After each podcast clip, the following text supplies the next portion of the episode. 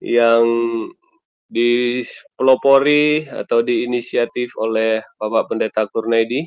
Kita ketemu kembali pada hari ini dalam pelayanan kita. Kami berharap dan kami berdoa semua kita ada dalam keadaan baik dan sehat dan kita boleh tetap dalam perlindungan Tuhan sekalipun kita sedang berada di satu kondisi yang tidak kita harapkan oleh karena terjadi satu pandemik uh, wabah virus yang sedang uh, mewabah di tempat kita bahkan di seluruh dunia.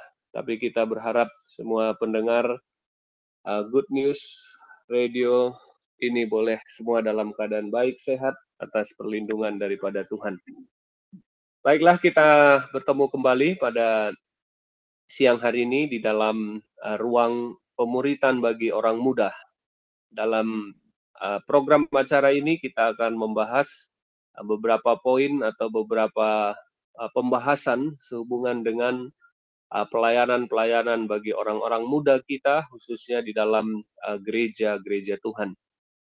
Sebagaimana kita pahami dan sebagaimana kita yakini bersama bahwa orang muda ini adalah aset yang begitu berharga, aset yang begitu mahal, yang kita harus jaga, yang kita harus pelihara, yang kita juga harus berdayakan dan libatkan di dalam pekerjaan gereja. Oleh karena orang-orang muda lah masa depan yang kita harapkan sebagai generasi penerus gereja dan generasi penerus daripada keluarga, bahkan bangsa dan negara kita. Kali ini kita akan uh, membahas satu topik tentang pemuritan orang muda, dan seperti pembahasan kita beberapa waktu yang lalu, uh, paling kurang ada beberapa tempat di mana kita uh, melatih ataupun memuridkan orang-orang muda kita. Di rumah adalah tempat yang pertama, di gereja adalah juga tempat yang berikut, di sekolah di mana anak-anak kita menuntut ilmu juga adalah bagian pemuritan yang baik dan juga dalam lingkungan sosial mereka setiap hari. Dan hari ini kita akan membahas uh, pemuritan yang pertama itu adalah uh, di rumah. Jadi keluarga adalah tempat pemuritan yang pertama bagi anak-anak dan itulah tema kita pada uh, siang hari ini kita akan membahas bahwa rumah atau keluarga itu adalah tempat pemuritan yang mula-mula bagi orang-orang muda kita dan anak-anak kita yang akan menjadi generasi penerus daripada keluarga, gereja, dan bangsa kita. Baiklah pendengar di mana pun Anda berada, mari kita awali pembahasan kita pada siang ini dengan kita berdoa bersama-sama. Saya undang kita semua berdoa untuk pembahasan kita pada saat ini. Bapak di sorga, terima kasih untuk waktu yang baik. Kami boleh uh, bertemu kembali melalui siaran radio Good News ini. Dan kami akan menggunakan waktu ini untuk belajar bersama-sama, membahas satu pelajaran tentang bagaimana kami uh, memuridkan anak-anak dan orang muda kami agar mereka menjadi generasi-generasi yang tangguh, bukan hanya di dalam pengetahuan, tetapi terlebih tangguh di dalam kehidupan rohani mereka, sehingga kelak anak-anak kami dan generasi penerus kami selanjutnya menjadi orang-orang yang setia dan hidup benar selalu di hadapan Tuhan. Berkati jam yang baik yang akan kami gunakan untuk boleh uh, men-sharing uh, pelayanan-pelayanan bagi orang muda ini khususnya. Dan kau berkati kami semua, seluruh pendengar yang ada, dan juga hambamu yang akan menyampaikan pembahasan ini. Terima kasih Tuhan, berkati pelayanan daripada Good News Radio ini, kiranya terus berjalan dengan baik dan menjadi alat yang Tuhan juga pakai untuk memberkati banyak orang. Dalam nama Yesus kami berdoa. Amin. Baiklah, kita akan membahas pada siang ini Eh, keluarga adalah tempat pemuritan yang pertama.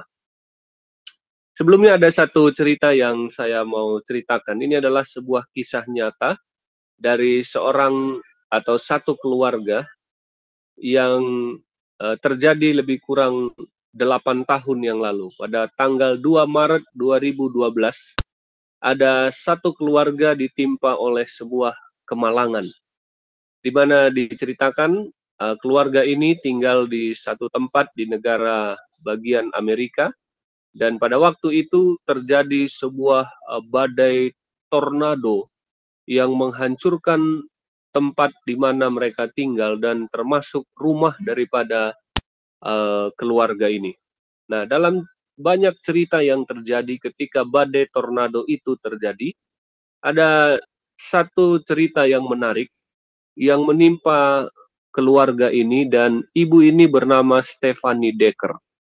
Ibu ini seorang yang uh, berusia 36 tahun dia mengalami juga satu peristiwa yang tragis pada waktu itu ketika badai tornado itu terjadi.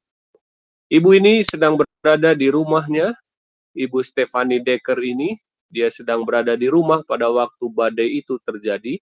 Mereka tinggal dikatakan di satu tempat namanya Henryville Town di Indiana, Amerika. Dia tinggal bersama kedua anaknya pada waktu itu. Dua anaknya yang bernama Dominic usia 8 tahun dan Riz usia 5 tahun. Nah, mereka bertiga tinggal di rumah pada waktu itu.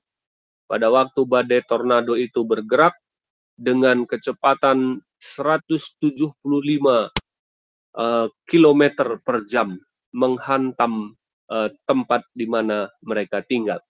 Kebetulan suami daripada ibu ini tidak berada di rumah, dan hanya ibu dan kedua anak ini ada di rumah. Nah, apa yang terjadi pada waktu itu? Ketika badai tornado itu uh, menghantam wilayah tempat tinggal mereka, termasuk rumah mereka hancur, dan ibu ini juga ditimpa oleh puing-puing rumah yang hancur itu. Ibu ini mengalami uh, beberapa uh, kondisi yang menyedihkan dikatakan ada tujuh tulang rusuknya mengalami patah.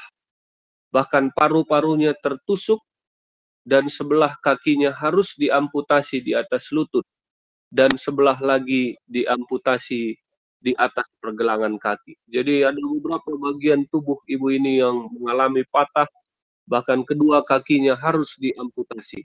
Satu diamputasi eh, di atas daripada lututnya, dan satu lagi harus diamputasi di bagian atau di atas pergelangan kaki ibu ini. Nah, ibu ini kemudian tentu diobati, dirawat di rumah sakit, dan yang luar biasa adalah kedua anak daripada ibu ini boleh selamat dari malapetaka itu. Pada waktu ibu ini telah sembuh dari perawatan yang begitu lama yang dia harus jalani.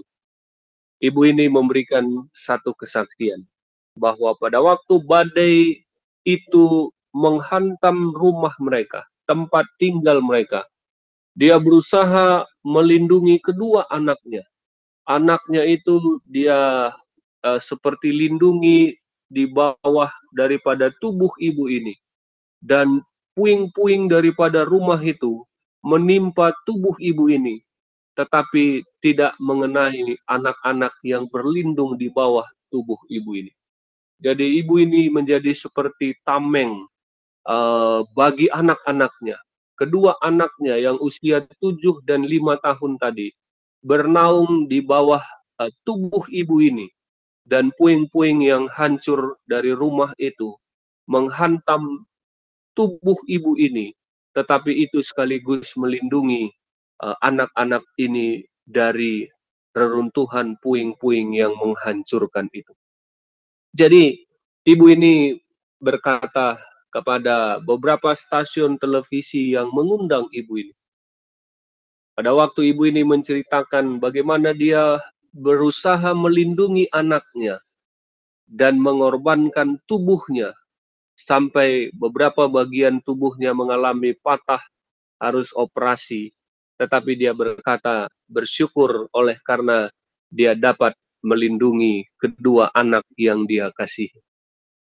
Dia katakan saya tidak memiliki kontrol atas badai alam yang terjadi. Tetapi saya memiliki kontrol untuk menyelamatkan anak-anak saya. Itulah pernyataan daripada Ibu Stefani Decker. Dia tidak dapat mengendalikan badai yang menghantam rumah mereka. Badai tornado yang datang dengan tiba-tiba. Dia tidak punya kuasa mengubah atau menghentikan itu. Tetapi dia berkata, saya dapat memilih untuk melindungi anak saya. Sekalipun dia katakan dia harus mengalami kondisi yang demikian. Dia tidak lagi mempunyai kaki dan juga kehidupannya tentu sudah berubah setelah peristiwa itu. Nah, demikian juga sebenarnya di dalam uh, kehidupan kita.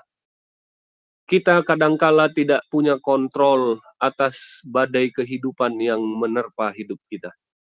Kita tidak punya kontrol atas pencobaan-pencobaan dan tantangan-tantangan hidup yang akan kita hadapi. Kita tidak punya kontrol atas pencobaan dan tantangan iman yang akan dihadapi oleh anak-anak kita di waktu yang akan datang. Tetapi kita punya kontrol untuk dapat membangun pondasi iman yang kuat hari ini. Sehingga pada waktu anak-anak kita kelak menghadapi badai yang kita tidak dapat kontrol itu, mereka memiliki pondasi pemahaman iman dan rohani yang kuat. Kita tidak pernah tahu anak-anak kita dan orang-orang muda kita, badai kehidupan apa yang akan mereka hadapi pada waktu yang akan datang. Kita tidak pernah tahu pencobaan seberat apa yang akan menimpa dan menerpa hidup mereka di waktu yang akan datang. Tetapi hari ini kita dapat membangun pondasi yang kuat sehingga kita berharap sekalipun topan badai pencobaan hidup kelak menimpa dan menerpa hidup mereka. Mereka ini sudah memiliki pondasi dan dasar iman yang kuat. Dan hari inilah waktu itu untuk kita membangun pondasi mereka. Nah, Bapak Ibu Saudara yang kami kasihi pendengar suara uh, good news yang uh, mendengarkan siaran ini di mana pun kita berada.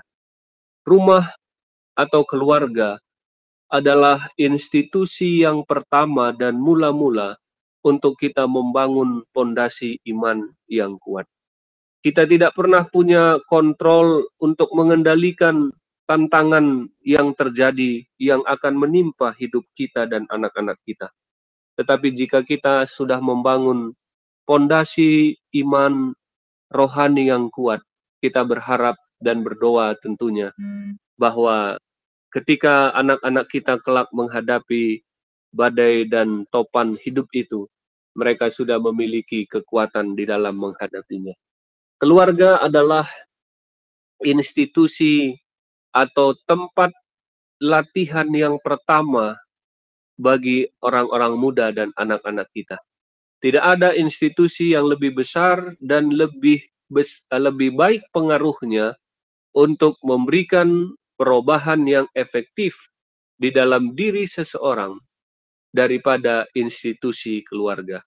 Jadi tidak ada institusi, lembaga atau tempat yang lebih besar pengaruhnya untuk membangun kehidupan pondasi rohani dalam diri seseorang selain daripada keluarga. Jadi tidak ada institusi yang lebih penting dan lebih utama selain keluarga daripada keluarga ini untuk membangun pondasi yang kuat itu. Nah, keluarga adalah tempat untuk kita belajar banyak hal. Tidak ada tempat yang lebih baik untuk kita belajar prinsip-prinsip kehidupan yang penting daripada tempat itu adalah keluarga.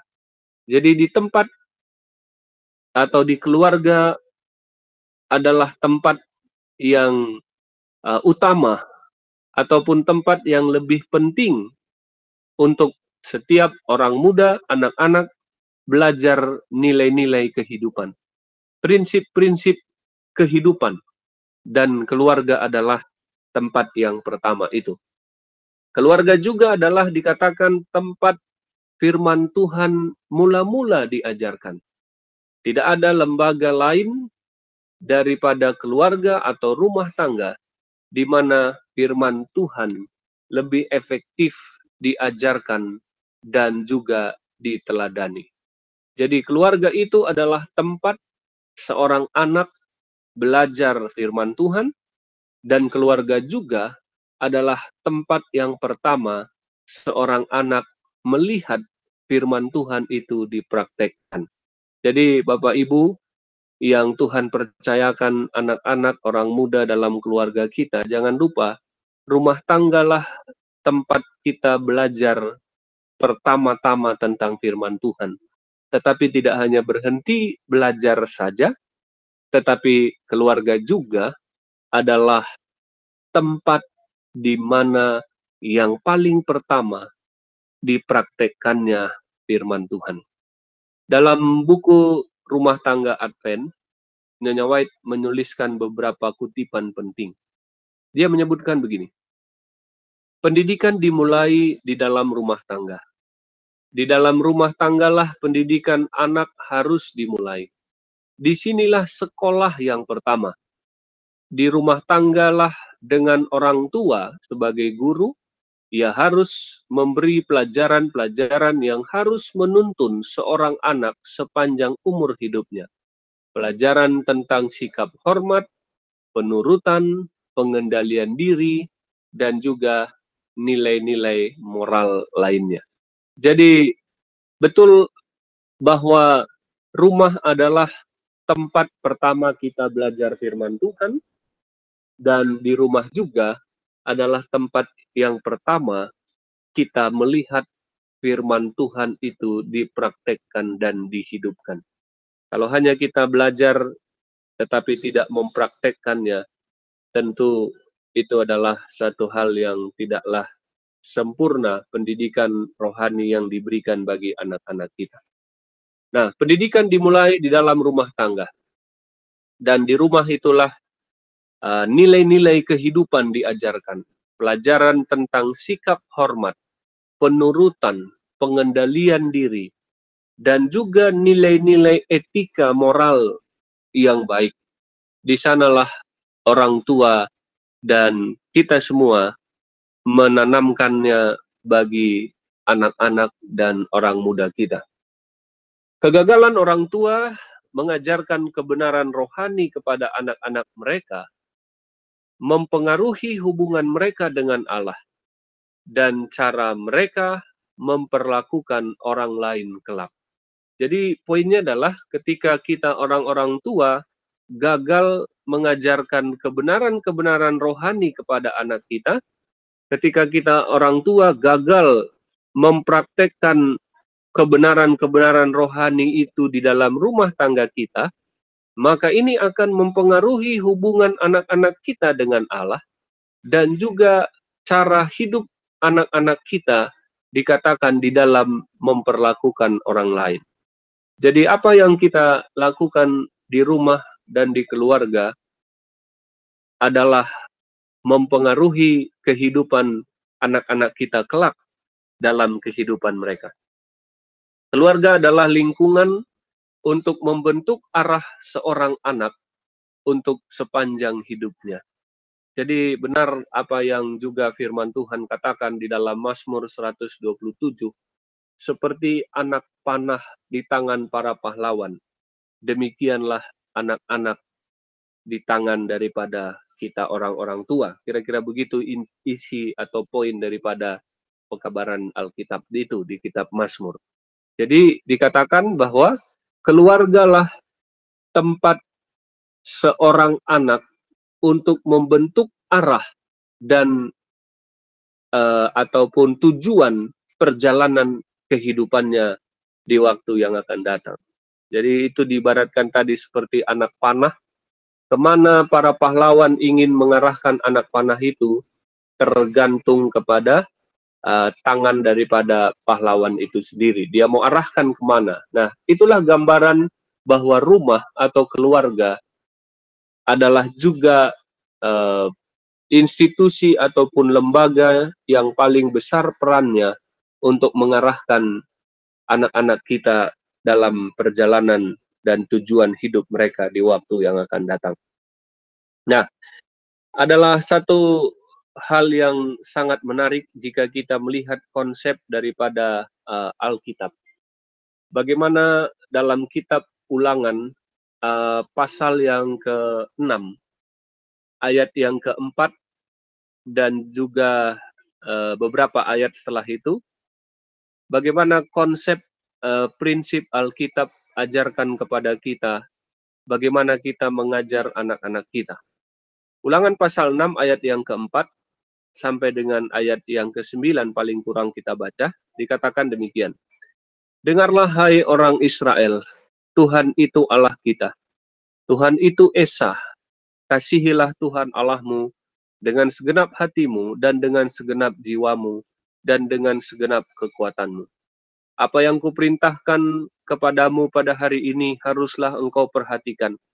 Haruslah engkau mengajarkannya berulang-ulang kepada anak-anakmu dan membicarakannya apabila engkau duduk di rumahmu, apabila engkau sedang dalam perjalanan, apabila engkau berbaring, dan apabila engkau bangun. Haruslah juga engkau mengikatnya sebagai tanda pada tanganmu, dan haruslah itu menjadi lambang di dahimu dan haruslah engkau menuliskannya pada tiang pintu rumahmu dan pada pintu gerbangmu. Jadi ini adalah satu prinsip Alkitab yang Tuhan katakan kepada Musa, kepada orang-orang tua untuk melakukan pendidikan di rumah tangga kita masing-masing. Kasihilah Tuhan Allahmu dengan segenap hatimu, dan dan dan dengan segenap jiwamu dan dengan segenap kekuatanmu. Nah, kalimat yang berikut tadi dikatakan dalam ayat yang ketujuh, haruslah engkau mengajarkannya berulang-ulang kepada anak-anakmu, membicarakannya apabila duduk, apabila dalam perjalanan, sedang berbaring, bangun, dan seterusnya. Ini menunjukkan bahwa dalam setiap aktivitas, setiap waktu, setiap keadaan. Anak-anak harus mendapatkan pendidikan rohani. Dan pendidikan rohani yang utama dikatakan dalam ayat sebelumnya adalah untuk mengasihi Tuhan Allah dengan segenap hati. Nah, jadi Bapak Ibu Saudara yang dikasih oleh Tuhan, pendengar Good News Radio, adalah sebuah tanggung jawab yang begitu istimewa, sekaligus sebuah tanggung jawab yang begitu besar bagi setiap orang tua untuk menjadi guru, untuk menjadi pendeta, imam, pendidik, mentor bagi setiap anak di dalam rumah tangga kita. Dan pekerjaan ini tidak dapat digantikan oleh siapa pun. Rumah atau pendidikan rohani di rumah tidak dapat digantikan oleh tempat apa pun. Boleh jadi anak-anak kita mendapatkan pendidikan rohani di gereja, di sekolah, dan juga di tempat-tempat yang lain barangkali. Tetapi tidak pernah itu dapat menggantikan uh, fungsi sebuah rumah dan keluarga untuk memberikan pendidikan rohani yang baik bagi anak-anak kita. Jadi konsep orang Yahudi pada zaman dulu dalam memberikan pendidikan rohani bagi anak-anak mereka adalah satu prinsip yang sangat luar biasa.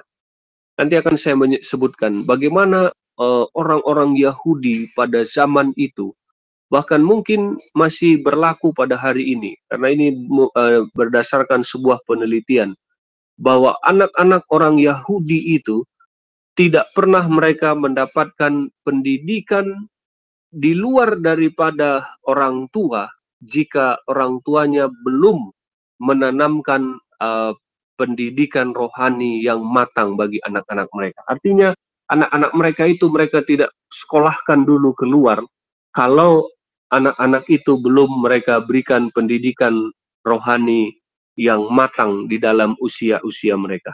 Nah, nanti akan saya sebutkan bagaimana menurut penelitian satu uh, atau penelitian seseorang uh, bagaimana ketatnya orang-orang Yahudi itu mengajarkan nilai-nilai rohani kepada anak-anak di dalam rumah mereka. Nah, di dalam Amsal pasal 22 ayat yang ke-6 ini ayat yang biasa juga kita baca. Di dalam ayat ini berkata, Didiklah orang muda menurut jalan yang patut baginya. Maka pada masa tuanya pun ia tidak akan menyimpang daripada jalan itu. Jadi kalau kita buat sebuah pertanyaan daripada ayat ini, jika pada masa tua anak-anak kita itu kita tidak mau dia menyimpang dari jalan yang benar, apa yang kita lakukan? Kalimat yang pertama mengatakan, didiklah orang muda hari ini menurut jalan yang benar. Sehingga pada masa tuanya, dia tidak menyimpang dari jalan itu. Jadi kalau kita mau menjaga masa depan anak-anak kita dalam hidup rohani yang baik, maka hari inilah waktunya kita menanamkan nilai-nilai rohani itu bagi orang muda kita berikan kepada mereka pendidikan rohani dan jelaskan tentang kebenaran-kebenaran firman Tuhan di rumah tangga kita. Dan praktekkan kebenaran-kebenaran firman Tuhan itu sehingga anak-anak kita melihat apa yang kita teladankan bagi mereka di rumah tangga kita. Jadi uh, beberapa waktu yang lalu saya uh, sebutkan metode yang paling ampuh di dalam memberikan pendidikan bagi anak-anak dan orang muda kita adalah menjadi model bagi mereka, modeling. Jadi kita belajar dan ajarkan, tetapi lebih dari itu adalah praktekkan dalam keluarga kita. Keluaran pasal 10 ayat yang kedua berkata, Dan supaya engkau dapat menceritakan kepada anak cucumu, bagaimana aku mempermain-mainkan orang Mesir dan tanda-tanda mukjizat mana yang telah kulakukan di antara mereka, supaya kamu mengetahui bahwa akulah Tuhan. Jadi dalam ayat ini ada satu poin yang saya mau ambil. Dikatakan bagikan kepada anak-anak kita cerita-cerita pengalaman-pengalaman rohani Alkitab dan mengingatkan mereka kepada apa yang kita percayai dalam hidup kita secara turun temurun. Jadi uh, menarik sekali jika kita melihat konsep Allah menyampaikan firman-Nya. Sebelum Musa menuliskan firman Tuhan, maka firman Tuhan itu hanya ada dari cerita turun temurun dari orang tua kepada anaknya, kepada cucunya, kepada anaknya yang berikut dan seterusnya. Nah, begitulah orang pada zaman dulu sebelum Alkitab ditulis, atau sebelum ada tulisan daripada firman Tuhan, firman Tuhan itu hanya seperti cerita turun-temurun. Jadi orang tuanya menceritakan kepada anaknya, kemudian anak itu juga kelak menceritakan kepada anaknya. Anak itu juga nanti setelah dia punya anak, dia ceritakan kepada anaknya turun-temurun. Dan itu tetap terpelihara firman Tuhan itu. Karena keluarga-keluarga melakukan fungsinya untuk terus menceritakan firman itu turun temurun bagi anak-anak mereka di rumah tangga rumah tangga mereka. Jadi rumah itu adalah tempat uh, firman Tuhan itu pertama diajarkan, dipelajari dan juga dipraktekkan. Efesus 6 ayat yang pertama sampai dengan ayat yang keempat, poin daripada ayat ini dikatakan Didiklah mereka dengan disiplin dan pengajaran yang sesuai dengan kehendak Allah. Mengasihi dan mendisiplin mereka jika perlu. Ajarkan mereka untuk berperilaku benar sesuai dengan firman Tuhan. Dan yang berikut adalah menjadi satu teladan yang baik. Jadi keteladanan selalu ditekankan berulang-ulang.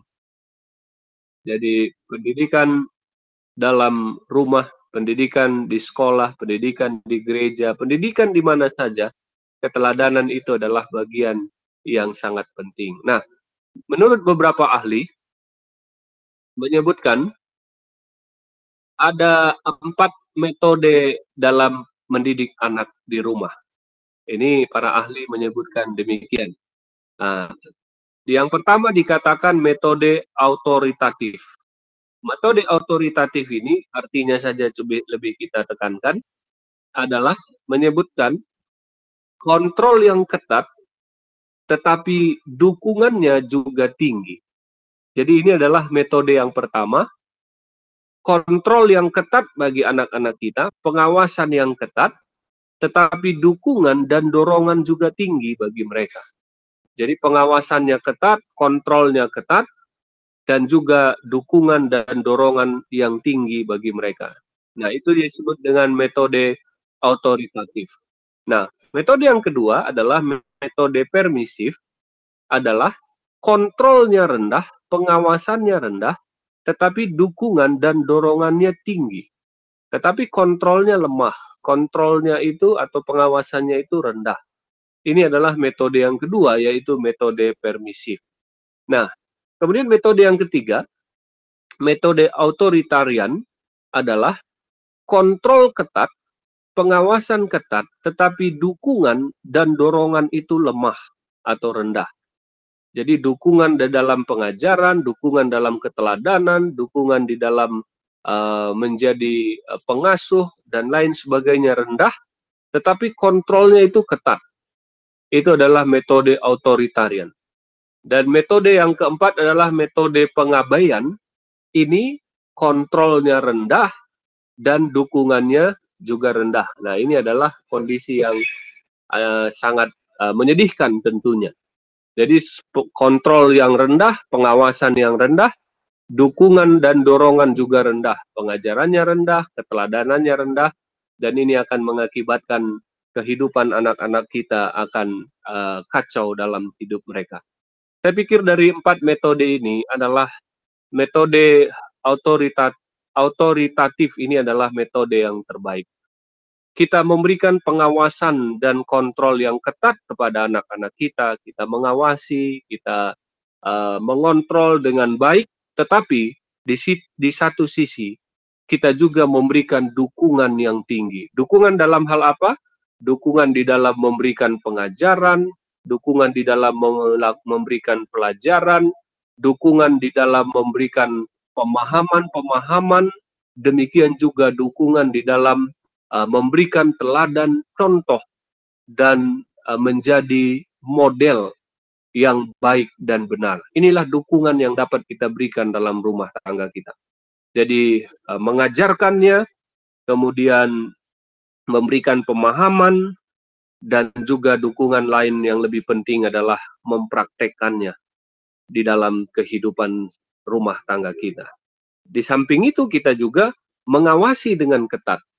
Tetapi kalau pengawasan kita lemah, hidup mereka sesuka hati, dukungan juga lemah, tidak diajarkan, tidak dinasehati, tidak diberikan contoh yang baik, maka kondisi ini adalah satu kondisi yang akan sangat uh, menyedihkan.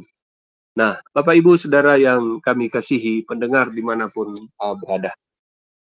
Alkitab atau firman Tuhan adalah buku pelajaran yang pertama yang harus dipelajari oleh anak-anak kita. Tidak salah anak-anak kita belajar banyak pengetahuan. Tidak salah anak-anak kita dibekali dengan uh, keterampilan-keterampilan yang bermanfaat dalam hidup mereka seperti keterampilan bermain musik, keterampilan-keterampilan uh, yang lainnya, tentu itu adalah sesuatu yang uh, baik dan bermanfaat bagi mereka. Tetapi jangan lupa pengetahuan yang pertama yang harus kita tanamkan bagi anak-anak kita dikatakan adalah pengetahuan akan firman Tuhan. Di samping itu, keterampilan-keterampilan yang bermanfaat di dalam kehidupan mereka. Tidak salah kita juga membekali mereka tentu dengan banyak pemahaman keterampilan yang lain. Tetapi jangan sampai prioritas-prioritas kita menjadi keliru ketika kita mengabaikan hal-hal yang lebih utama bagi pendidikan anak-anak kita. Di dalam kutipan uh, tulisan Nyonya Ellen G. White, disebutkan uh, berkata demikian. Berlaku tegas dan memberikan instruksi firman Allah tetapi jangan hilang kesabaran bagi anak-anak kita. Ingat, bila engkau menjadi kasar dan tak sabar terhadap anak-anakmu, engkau mendidik mereka melakukan hal yang sama. Nah, jadi ini satu uh, teguran yang baik bagi kita ya. Jadi kalau dikatakan kita gagal uh, melakukan atau mempraktekkan uh, kebenaran itu bagi anak-anak kita, maka anak-anak kita itu akan melakukan hal yang sama. Jadi memang terkadang kita tidak uh, pungkiri, kita juga kadang lalai melakukan fungsi kita. Kadangkala kita juga menjadi orang yang tidak sabar di dalam membekali anak-anak kita dengan bekal-bekal rohani yang sangat mereka butuhkan. Tapi marilah kita terus berdoa agar kita diberikan kemampuan di dalam melakukannya. Jadi keluarga itu adalah tempat untuk kita menempa hidup kita memiliki karakter yang Allah kehendaki di dalam uh, kehidupan pribadi-pribadi kita. Uh, Dorote Lonovi, uh, dia seorang ahli psikolog dia pernah membuat sabu, uh, sebuah tulisan yang saya pikir banyak dibaca dan disebutkan oleh banyak orang. Saya pikir ini juga hal yang baik. Dia katakan demikian. Anak-anak kita itu belajar dari lingkungan di mana dia ada. Jika anak biasa hidup di celah, kelak ia akan terbiasa menyalahkan orang lain. Nah, ini dikatakan oleh Dorothy Lonovi ini. Jadi kalau anak-anak kita ini uh, sering mendapatkan celaan, cemoohan uh, di rumah khususnya, jangan salah kelak mereka akan terbiasa untuk hanya menyalahkan orang lain. Nah, jika anak biasa hidup di dalam permusuhan, dia katakan kelak ia akan terbiasa menentang dan melawan. Jadi kalau anak-anak hidup di dalam uh, permusuhan, pertengkaran di rumah, jangan salah kelak anak ini dikatakan dia juga akan terbiasa menentang dan melawan. Jika anak biasa hidup di dicekam ketakutan, maka kelak ia akan terbiasa hidup merasa resah dan cemas. Jika anak biasa hidup dikasihi, kelak ia akan terbiasa meratapi nasibnya sendiri. Jadi jika anak biasa hidup dikasihani, bukan dikasihi ya. Jadi selalu dikasihani, uh, selalu uh, kompromi di dalam eh, hal-hal uh, yang semestinya sudah dia lakukan, maka dikatakan anak ini hidup kelak tidak akan uh, menjadi seorang pejuang, tetapi hanya meratapi akan uh, nasibnya. Nah, ada beberapa hal yang lain yang berikut dia katakan. Tetapi poin yang ditekankan di bagian ini adalah uh, mereka akan hidup kelak berdasarkan kehidupan lingkungan yang dia alami ketika mereka anak-anak, remaja, dan menjadi orang muda. Nah, pertanyaannya adalah lingkungan keluarga yang bagaimana yang kita sedang ciptakan bagi anak-anak kita. Karena sesungguhnya ini yang mempengaruhi akan uh, hidup mereka di masa dewasa mereka kelak. Jadi uh, pengaruh kondisi keadaan mereka ketika mereka bertumbuh di dalam masa anak-anak, masa remaja mereka, masa orang muda mereka, ini sangat mempengaruhi akan masa depan uh, mereka ataupun kehidupan di waktu yang akan datang dalam kehidupannya. Nah, Bapak Ibu Saudara yang saya kasihi di dalam uh, nama Tuhan, pendengar uh, Good News Radio. Ada satu hal yang menarik yang berikut yang saya mau sampaikan. Seperti tadi saya sebutkan, orang-orang Yahudi memiliki satu budaya pendidikan rohani yang begitu ketat bagi anak-anak mereka. Bahkan ini dikatakan bukan hanya pada zaman dulu, tetapi juga anak-anak orang Israel atau orang Yahudi modern hari ini. Nah, ada seorang rabi, rabi uh, bernama Jehudah ben Tema. dia menyebutkan dalam uh, sebuah tulisannya bagaimana tahap pendidikan orang Yahudi yang biasa mereka lakukan dalam keluarga-keluarga Yahudi modern hari ini. Jadi ini adalah orang-orang Israel sekarang, bangsa Israel sekarang, ataupun orang-orang suku Yahudi ortodok khususnya yang hidup di dunia modern hari ini. Nah, menurut Rabi ini, inilah eh, tahap-tahap uh, pendidikan yang orang-orang Yahudi modern lakukan hari ini. Yang pertama dikatakan, di usia lima tahun, anak seorang Yahudi modern, dia sudah diajar dan belajar untuk membaca kitab Taurat atau lima kitab Taurat perjanjian lama. Kita tahu kitab Taurat uh, kejadian, keluaran, imamat, bilangan, ulangan. Jadi anak seorang Yahudi, khususnya dikatakan Yahudi ortodoks ini, baru usia lima tahun, mereka wajib sudah harus diajar dan belajar serta membaca lima kitab Taurat Musa. Nah, bayangkan betapa ketatnya orang-orang Yahudi ini menurut uh, rabi ini uh, dalam mereka mendidik anak-anak mereka untuk memiliki pondasi keyahudian mereka yang kuat sehingga tidak heran orang-orang Yahudi ortodoks ini di mana pun mereka berada uh, sifat budaya Yahudi mereka itu begitu ketat dan kental mereka pelihara. Nah, karena usia lima tahun anak seorang Yahudi dikatakan dia harus sudah harus belajar diajar dan membaca kitab Taurat Musa. Nah, usia 10 tahun, anak seorang Yahudi modern, dia sudah harus belajar dikatakan kitab Misnah. Kitab Misnah ini adalah tafsiran-tafsiran daripada lima kitab Musa atau kitab Taurat itu. Jadi usia lima tahun dia belajar kitab Taurat, usia 10 tahun dia sudah harus belajar tafsiran dari lima kitab Taurat itu. Usia 10 tahun. Usia 13 tahun, anak seorang Yahudi menurut Rabi ini, dia sudah terikat kepada segala hukum dan peraturan-peraturan Tuhan. Dan harus hafal usia 13 tahun. Jadi anak usia 13 tahun kalau di gereja kita ini anak usia yang sudah bisa menerima baptisan barangkali sama dengan orang Yahudi, maka usia 13 tahun mereka anggap anak ini sudah harus terikat kepada hukum dan perintah Tuhan. Bahkan harus menghafal peraturan-peraturan uh, agama yang mereka percayai.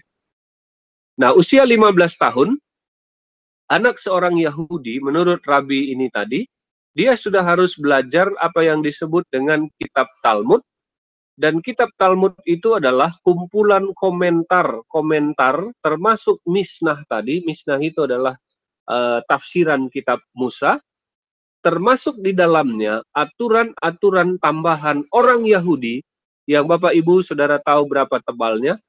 6200 halaman tebalnya yaitu kitab Talmud ini. Karena ini berisi komentar, berisi tafsiran, dan berisi peraturan-peraturan tambahan seorang Yahudi ber, berisi atau tebalnya 6.200 halaman. Ini sudah harus dipelajari anak Yahudi berusia 15 tahun. Dan umur 18 tahun bagi seorang Yahudi dia sudah boleh menikah umur 20 tahun dia sudah belajar berdagang, berbisnis. 30 tahun bagi mereka ini adalah tenaga yang sudah sangat maksimal dan matang. Usia 40 tahun bagi mereka adalah usia yang sudah sangat dewasa dan sudah uh, begitu matang dalam segalanya. Dan juga beberapa tahap-tahap berikutnya. Nah, yang saya mau uh, soroti adalah uh, sampai usia 15 tahun. Betapa ketatnya seorang orang tua, ayah ibu seorang Yahudi menanamkan nilai-nilai moral, nilai-nilai agama, nilai-nilai rohani di rumah tangganya bagi setiap anak-anak di keluarga Yahudi. Bahkan kalau kita mundur sebelumnya, menurut Rabbi Jehudah ben Tema ini, sebelum anak itu usia lima tahun pun anak itu sudah dibiasakan untuk mendengar uh, sema Yahudi, sema Israel, lagu-lagu Israel. Bahkan di sejak dalam kandungan, saya pikir ini juga pendidikan yang selaras dengan pengetahuan hari ini. Sejak dalam kandungan, seorang ibu Yahudi sudah memperdengarkan lagu-lagu Yahudi, sema orang Israel, dan seterusnya. Jadi kalau kita lihat tadi uh, tatanan ataupun tahap-tahap pendidikan rohani yang anak-anak Yahudi ini terima, maka kita dapati uh, usia yang begitu penting dari 5 sampai 15 tahun itu adalah uh, pendidikan rohani yang begitu ketat yang diberikan oleh orang-orang tua mereka. Lima tahun dia sudah harus belajar kitab Taurat, 10 tahun dia sudah harus belajar kitab Misnah, 13 tahun dia sudah terikat kepada hukum, kepada perintah, kepada peraturan dan menghafal. Usia 15 tahun dia sudah harus mempelajari kitab yang tebalnya 6200 halaman karena berisi kitab Talmud yang isinya komentar-komentar termasuk uh, tafsiran kitab Taurat yaitu Misnah dan juga peraturan-peraturan orang Yahudi yang mereka percayai. Tidak heran seperti yang uh, Rabi itu katakan bahwa ketika anak-anak Yahudi ini yang sudah uh, baik dapatkan pendidikan agama Yahudi mereka di rumah, pada waktu mereka dewasa, pergi ke mana saja mereka berada, mereka tetap hidup di dalam budaya dan tradisi daripada orang Yahudi. Jadi kalau kita perhatikan Bapak Ibu Saudara pendengar di mana pun kita berada, rumah adalah bagian yang sangat penting di dalam kita memberikan pendidikan dan bekal rohani bagi anak-anak kita.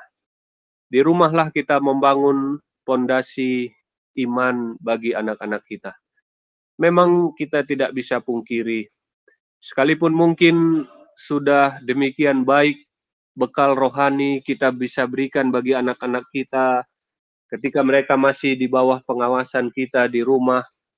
Tetapi ketika mereka dewasa, ada juga anak-anak kita yang kemudian membuat pilihan ataupun keputusan yang salah. Itu pun mungkin bisa saja ada, tetapi saya percaya persentasinya akan jauh lebih besar mereka tetap setia di dalam Tuhan jika anak-anak kita di rumah kita telah berikan pemahaman-pemahaman dan pengetahuan dasar firman Tuhan sebagai pondasi akan hidup mereka.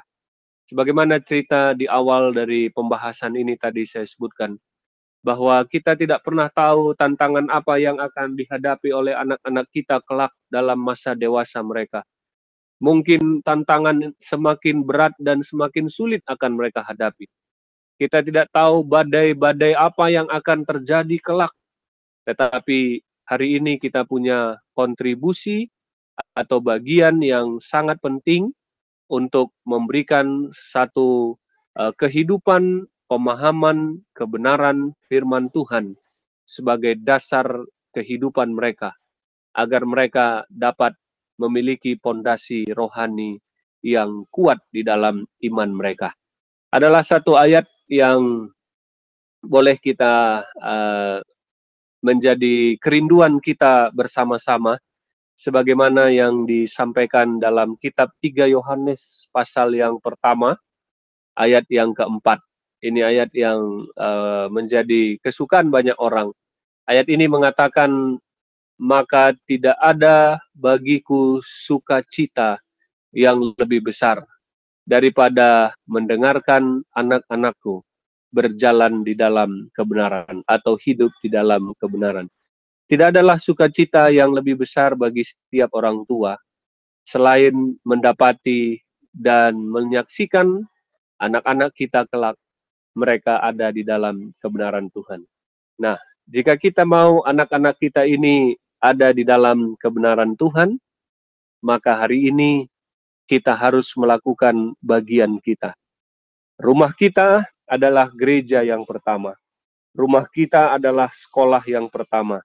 rumah kita adalah ladang pemuritan yang pertama. Keluarga kita adalah tempat di mana kita membangun pondasi iman dan pondasi rohani yang baik bagi anak-anak kita. Di rumah kita adalah tempat di mana firman Tuhan pertama kali harus dipelajari dan diajarkan. Di rumah kita adalah tempat di mana pertama kali firman Tuhan itu dihidupkan dan dipraktekkan. Di dalam rumah kita juga nilai-nilai kehidupan dan nilai-nilai moral itu diajarkan dan juga dipraktekkan. Karena anak-anak kita tidak hanya belajar dari apa yang mereka dengar, apa yang mereka uh, terima dari orang tua, pengajaran yang mereka dengar, tetapi anak-anak kita itu lebih efektif belajar dari apa yang mereka lihat yang dipraktekkan oleh orang-orang tua mereka di dalam keluarga. Bapak Ibu pendengar di mana pun Anda berada. Hari ini kita sudah membahas bahwa tempat pemuritan yang pertama itu adalah keluarga. Kita akan melanjutkan uh, pembahasan yang berikut nanti. Tempat pemuritan berikutnya bagi anak-anak kita. Sudah pasti bukan hanya keluarga. Walaupun saya katakan keluarga adalah tempat yang utama, yang pertama, yang sangat penting, tetapi anak-anak kita juga akan mendapatkan pembekalan, pendidikan rohani, dan pemuritan tentu di institusi dan di tempat yang lain yang akan kita bahas di pertemuan yang berikut. Oleh karena waktu kita yang sangat terbatas, saya akhiri uh, pembahasan kita pada siang hari ini.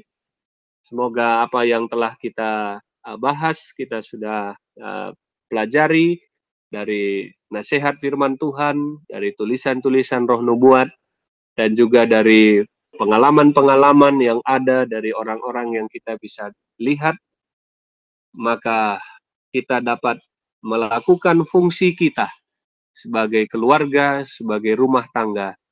Kita dapat menjadi tempat di mana anak-anak kita akan belajar banyak hal, nilai-nilai kehidupan sebagai bekal dan pondasi uh, rohani mereka di masa yang akan datang. Tuhan memberkati kita. Semoga dengan tanggung jawab yang Tuhan berikan, kita dapat lakukan sebagai ayah, ibu, orang tua, khususnya dalam setiap keluarga dan rumah tangga kita. Mari kita akhiri dengan berdoa.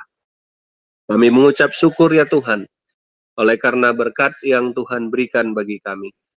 Kami dapat uh, menikmati nasihat dan bimbingan yang Tuhan berikan melalui firman dan juga nasihat-nasihat roh nubuat yang dapat membekali kami semua untuk menjadi pendidik, pelatih, dan imam bagi anak-anak kami di rumah tangga kami masing-masing. Jika Tuhan mempercayakan kami orang-orang muda, anak-anak remaja, bahkan anak-anak yang sedang dalam masa pertumbuhan di keluarga kami, biarlah masing-masing kami dapat melakukan tugas kami untuk dapat mempersiapkan mereka menjadi generasi-generasi yang handal di dalam pengetahuan dan pemahaman firman Tuhan, terlebih juga menjadi generasi-generasi yang handal di dalam mereka memiliki karakter dan tabiat yang Tuhan kehendaki. Berkati kami semua pendengar di mana pun berada, berkati pelayanan Good News Radio ini. Biarlah ini juga Tuhan gunakan menjadi sarana untuk dapat memberkati banyak orang dan menjadi alat kemuliaan Tuhan di mana pun orang-orang yang mendengarkannya berada. Terima kasih Tuhan, sertai kami sepanjang sisa hari ini. Kami doakan situasi yang ada hari ini. Tuhan tetap mengendalikan keadaan ini dan biarlah situasi bencana nasional wabah uh, virus COVID ini boleh segera berakhir ya Tuhan, sehingga kehidupan kami dalam aktivitas-aktivitas yang kami dapat lakukan boleh berjalan normal kembali. Ini doa dan harapan kami. Kami sembahkan hidup dan pelayanan kami kepadamu di dalam nama Tuhan Yesus Kristus, penebus kami dari dosa. Amin.